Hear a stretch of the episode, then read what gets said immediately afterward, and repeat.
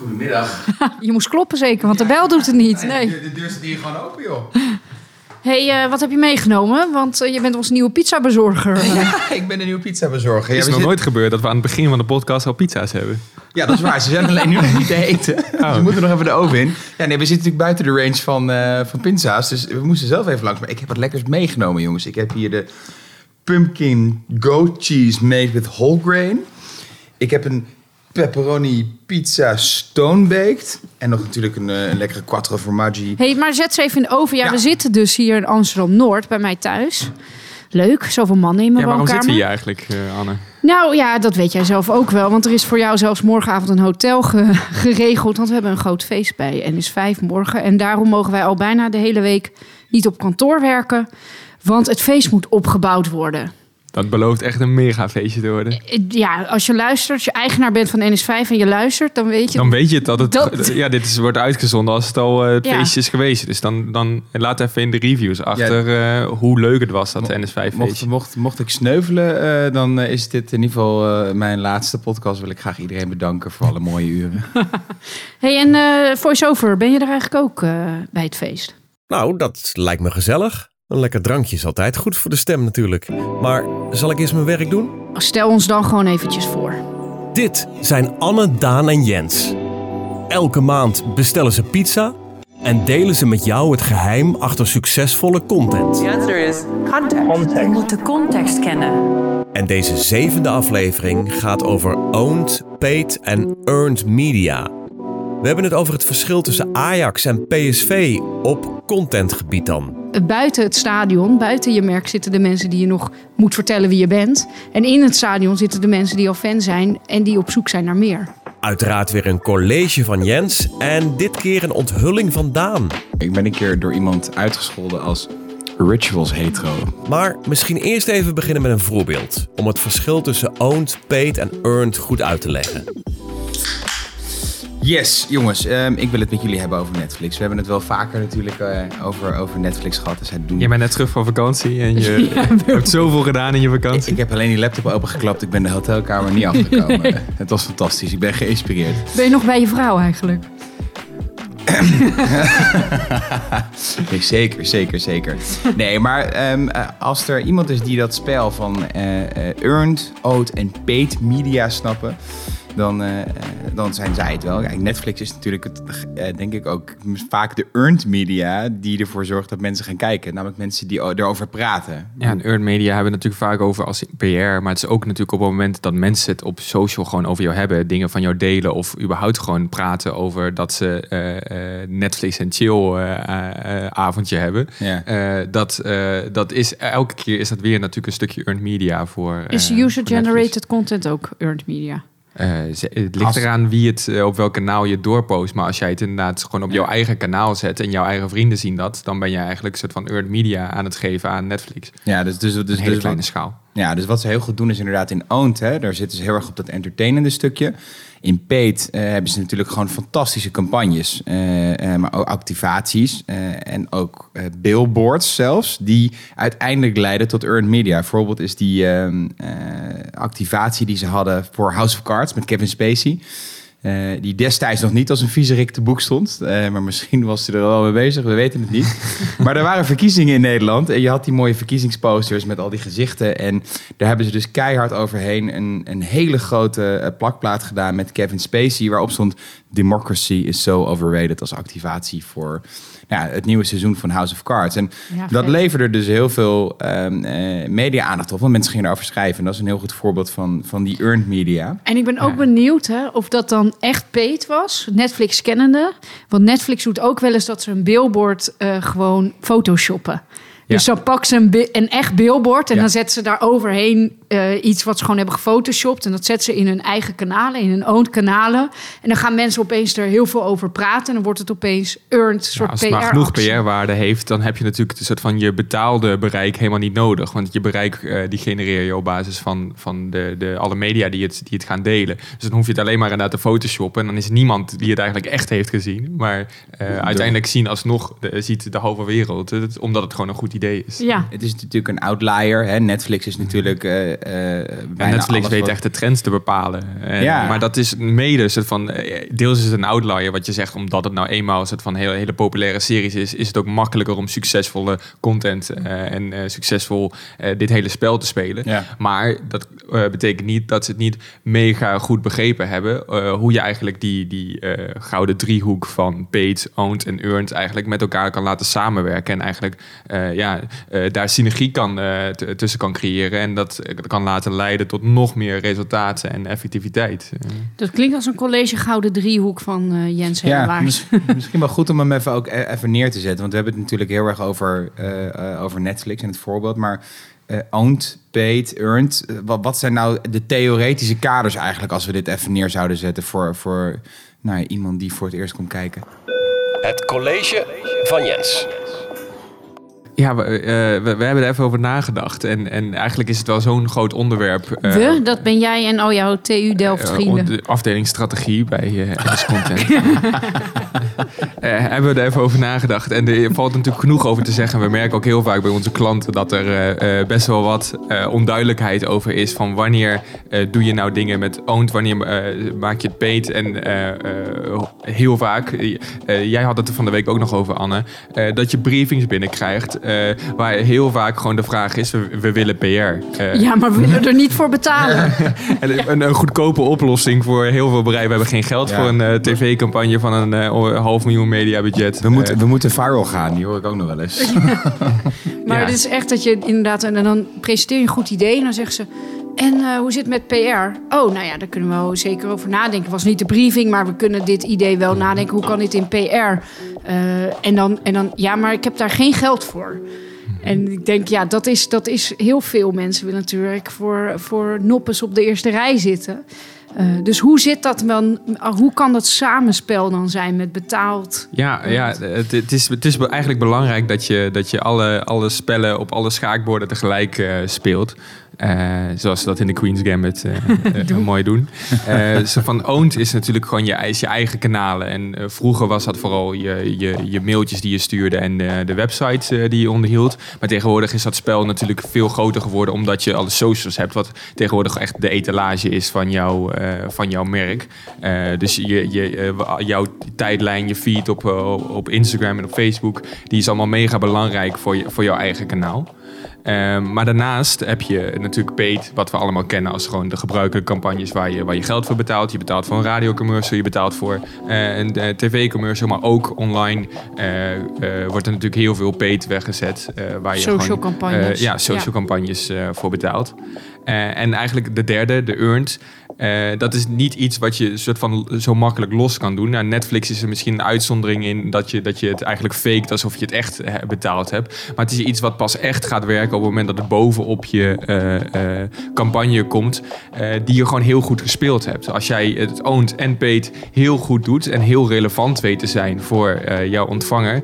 zo relevant dat, en zo op- opvallend met wat jij gedaan hebt. dan kan dat daadwerkelijk ook eh, eh, earned eh, media Dat opleveren mensen erover gaan praten. mensen erover gaan praten. Of, of zelfs inderdaad, als je echt nog extra veel bereik wil pakken, dat, dat ook media erover over gaan praten. Maar het is heel belangrijk dat je ook echt beseft welke ontvangers je met de verschillende kanalen hebt. En waar die owned, paid en earned ook in je, in je funnel zitten. Ehm, want bijvoorbeeld de paid eh, advertenties, die eh, probeer je eigenlijk, die richt je aan iedereen. Die, dus dat is ook eh, het grootste deel daarvan is natuurlijk gewoon nieuwe klanten. Dus je zit helemaal in het breedste deel van je, van je funnel, probeer je die klanten soort van bekend te laten worden met je merk. Of in het beste geval ook ze het merk te laten overwegen. Terwijl je met je owned kanalen juist helemaal aan de andere kant van de funnel zit. We hebben het al eerder natuurlijk over gehad, over ja, eigenlijk dat topje van die funnel in de, de community.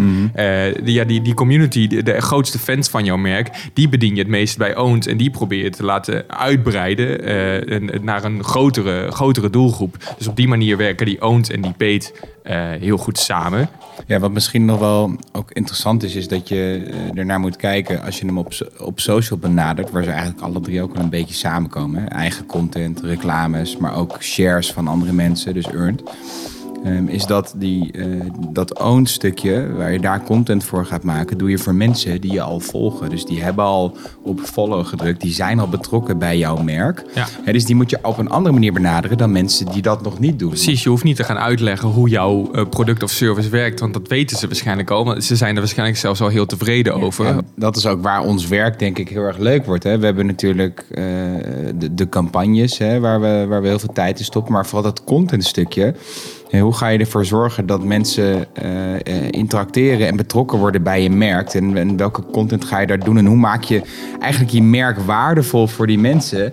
Dat is ons speelveld. En dat is denk ik waar het echt heel interessant wordt. Ja, Ja. dat owned kanaal gaan we in deze aflevering denk ik ook even meer over hebben. Maar dit is eigenlijk wel zo'n groot onderwerp dat we het ook in de volgende aflevering en de aflevering daarna ook nog even over paid en earned Ja, dat verder gaan goed. hebben. Dat we, we, we, we maken er een mooi, eh, een mooi drieluik van. Want er is echt veel te zeggen over, over alle drie. Zeg Ja. maar. En, ik, en, en als we een kleine les kunnen trekken, denk ik echt dat je als merk moet nadenken.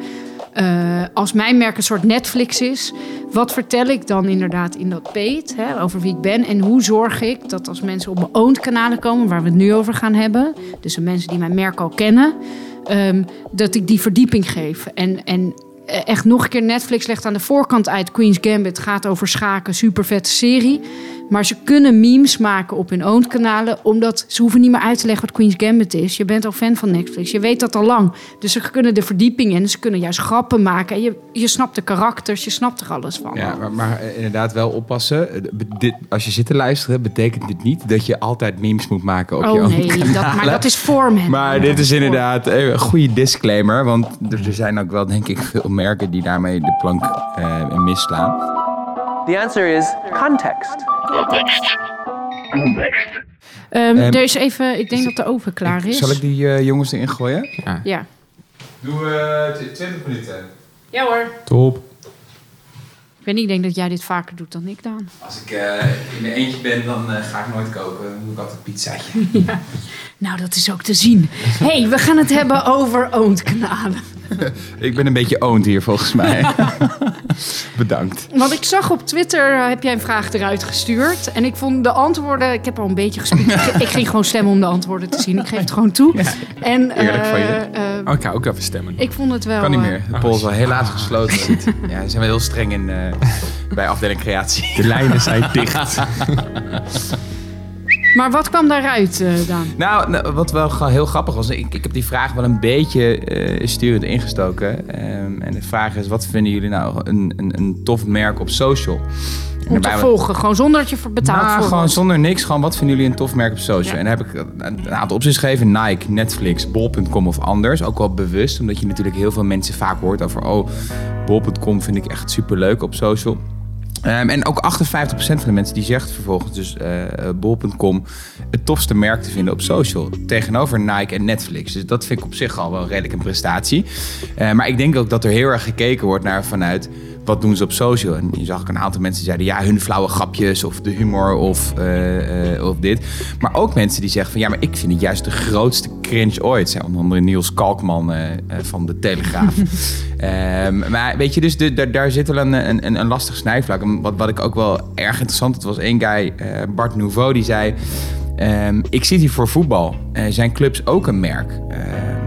Ik denk dat clubs wel degelijk een merk zijn. En hij noemde er ook twee die volgens mij lijnrecht tegenover elkaar staan. De eerste is Ajax, die natuurlijk bekend staat om de meest briljante eh, campagnes... Ja. en de meest tranentrekkende, emotievolle filmpjes. Ik bedoel, als Ajax Champions League En dat ze goed speelt... kunnen voetballen. Toch? Nou Ook ja, wel. dat, dat, Komt dat als twee? Dat, Als ook. Nee, maar, nee, maar dus, dus zo ken je ze op social. Als, je, als er een matchday is van Ajax in de Champions League, dan weet je, 8 uur 's ochtends krijg ik een hype filmpje en dan ben ik de hele dag onrustig. Maar NVV is natuurlijk een wat kleinere club. En ik zei ook van, maar hoezo moet ik NVV volgen? Wat heb ik dan gemist? En die kiezen volledig de banterkant. Dus die zijn natuurlijk ook een klein, niet heel groot zeggend merk ehm, eh, op social.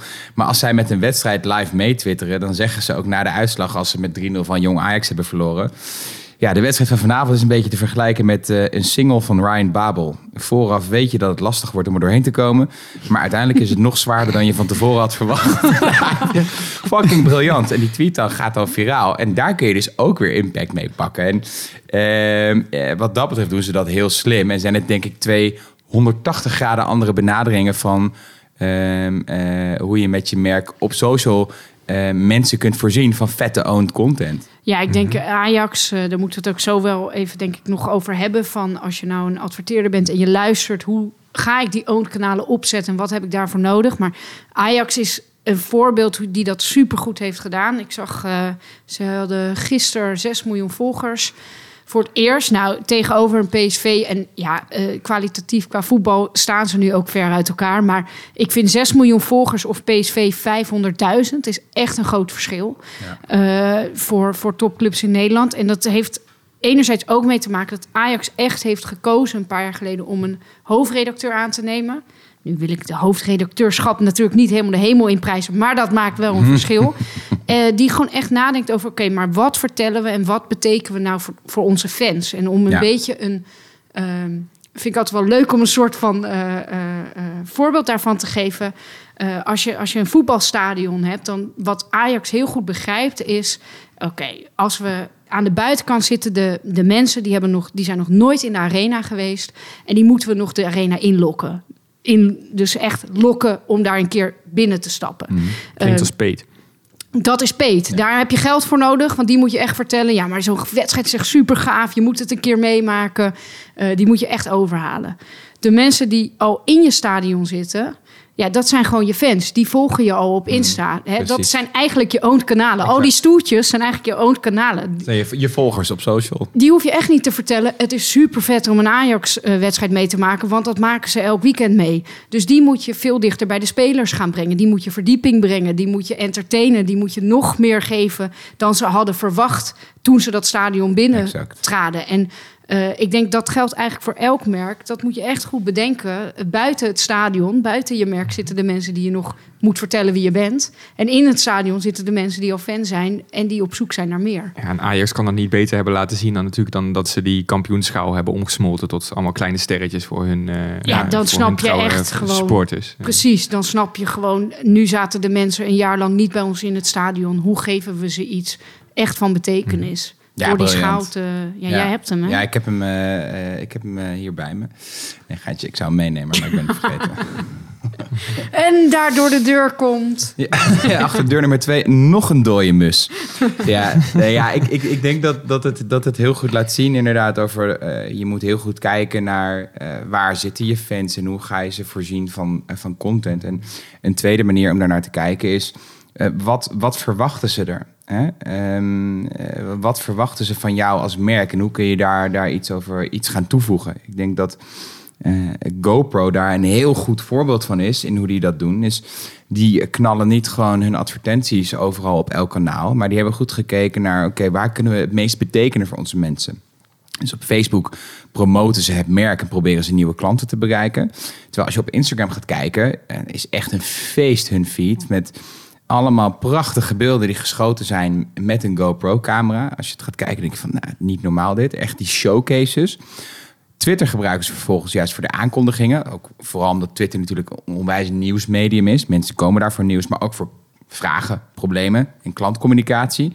En vervolgens hebben ze YouTube ingezet om juist op die tutorials te zitten. Dus mensen uit te leggen hoe die producten werken. En dat is ook waar mensen over het algemeen steeds vaker en steeds meer voor naar YouTube komen om dingen te leren, om informatie op te halen. Ehm, Ja, of op Google intikken. En dan krijg je zo'n YouTube-filmpje Ja. die het uitlegt van GoPro zelf. In plaats van... Ja, ze snappen heel goed Eh. hoe je per kanaal inderdaad kan zien van wat, eh, wat beteken je nou inderdaad op dat kanaal voor de ontvanger of wat kan je daar betekenen. Ja, en, Eh, en wat verwacht men van het merk ook ja. daar? Want dat verschilt. En ook realise- realiseren natuurlijk dat, dat per eh, merk natuurlijk ook eh, anders is. Want sommige, sommige merken zoals GoPro, die hebben vette content om te laten zien. En merken zoals Ajax, die hebben gewoon die- per definitie natuurlijk hele trouwe fans.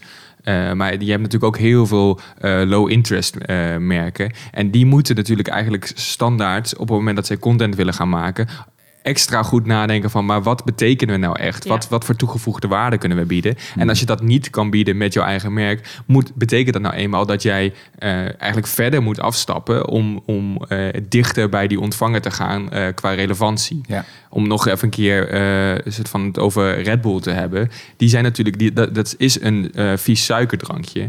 Eh, maar op het moment dat... dat, dat Sorry, buren.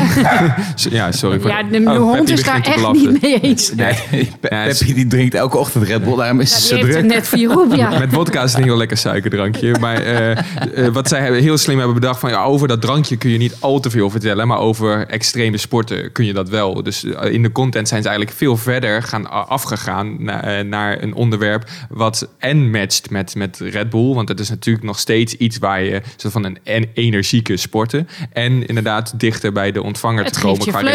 relevantie. Ja. Het geeft je vleugels, Ja, Red zeker. Mhm. Bull. En geeft je ook vleugels dus om van een klif van 100 meter naar beneden te springen. En het geeft je die energie om dingen waar te maken. En, eh, Maar eh, dat lef om, om eigenlijk dus iets verder af te stappen van wat, jou, wat jouw core business is. Eh, heel veel merken willen het toch alleen maar hebben inderdaad van... nou, zo doen wij dat bij onze energiecentrale. En eh, die, die uitdagingen, dat is heel leuk om op te lossen. Zeker bij low-interest producten. Ja, en ik denk dat dat, dat ook een, een groot deel te maken heeft met de, de, de marketingbril die wij op hebben. Wij zijn natuurlijk alleen maar bezig met campagnes, met slogans, met merken de hele tijd. Ja, maar HubSpot heeft onderzocht eh, wat nou de, de beste Instagram-accounts van merken zijn. En als je gaat kijken wat die met elkaar gemeen hebben, eh, dan is dat met 28% eh, dat ze content posten die voor de volger gerelateerd is aan zijn dagelijks leven, interesses of hobby's. En voor 23% gaat het om content, of waardevolle content die gerelateerd is aan het werkveld. Dus het heeft alles met betekenisgeving voor de volger te maken en niet zozeer met kijk dit is mijn blikje, kijk dit is mijn merk. Dat is inderdaad het grote verschil ook. Hè? Dus die betekenisgeving die je in Owned moet toevoegen eh, om die consument vast te houden en met je merk te laten binden. Ja. Is owned een ehm, laag die te vaak door adverteerders vergeten wordt? Om die goed betekenis te geven? Ehm, hij wordt, eh, ik denk dat hij vaak eh, vergeten wordt om voldoende aandacht te geven. Ik denk dat hij vaker nog steeds gewoon wordt eh, uitgevoerd door... hey stagiaire, leuk dat je bij ons komt werken voor zes maanden. Kun jij onze Facebook gaan bijhouden? Oh, oh, Ja. En dat daar voor de rest ge- geen, geen extra energie of, of tijd in wordt gestoken om dat echt soort van in lijn te brengen met diezelfde merkstrategie die je ook zo goed in je campagnes En, en zouden we ook kunnen stellen dat het, het... Dat zou zo goed zijn als we een keer een soort formule... Misschien moet ik weer langer over nadenken dan nu met twee bier op. Hè, je hebt altijd met media inzet. Hebben wij van, oké, als je eh, in creatie een x-bedrag inzet... dan moet je media budget 80, 20, 70, 30, 50, qua 50. verhouding echt een stuk groter zijn. Want anders stop je heel veel geld in iets moois maken, maar niemand gaat het zien. En ik denk dat dat ook mooi zou zijn als we dat met Owned en Paid kunnen doen. Ja, maar als jij zoveel geld pompt in je eh, social kanalen...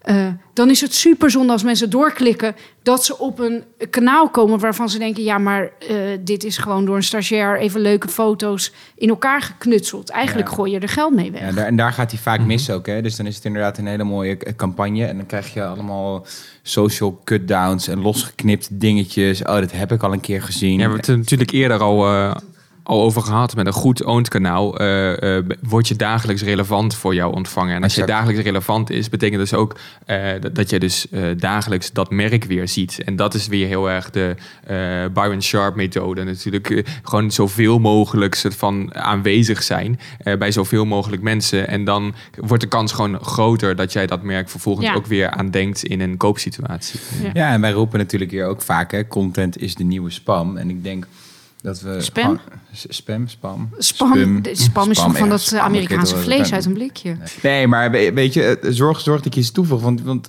kijk eens naar jezelf, weet je wel, hoe makkelijk je al doorscrollt. eh, met, met, met, met, met platforms als TikTok. Als je na twee seconden niet, niet geëntertained bent, dan scroll je door, weet je. Dus... eh, Ik weet nog wel één merk die, die misschien nog wel leuk is om aan te halen, die dat echt heel goed, goed doet. Eh, sorry, het is, het is weer een beautymerk. Eh, Nee,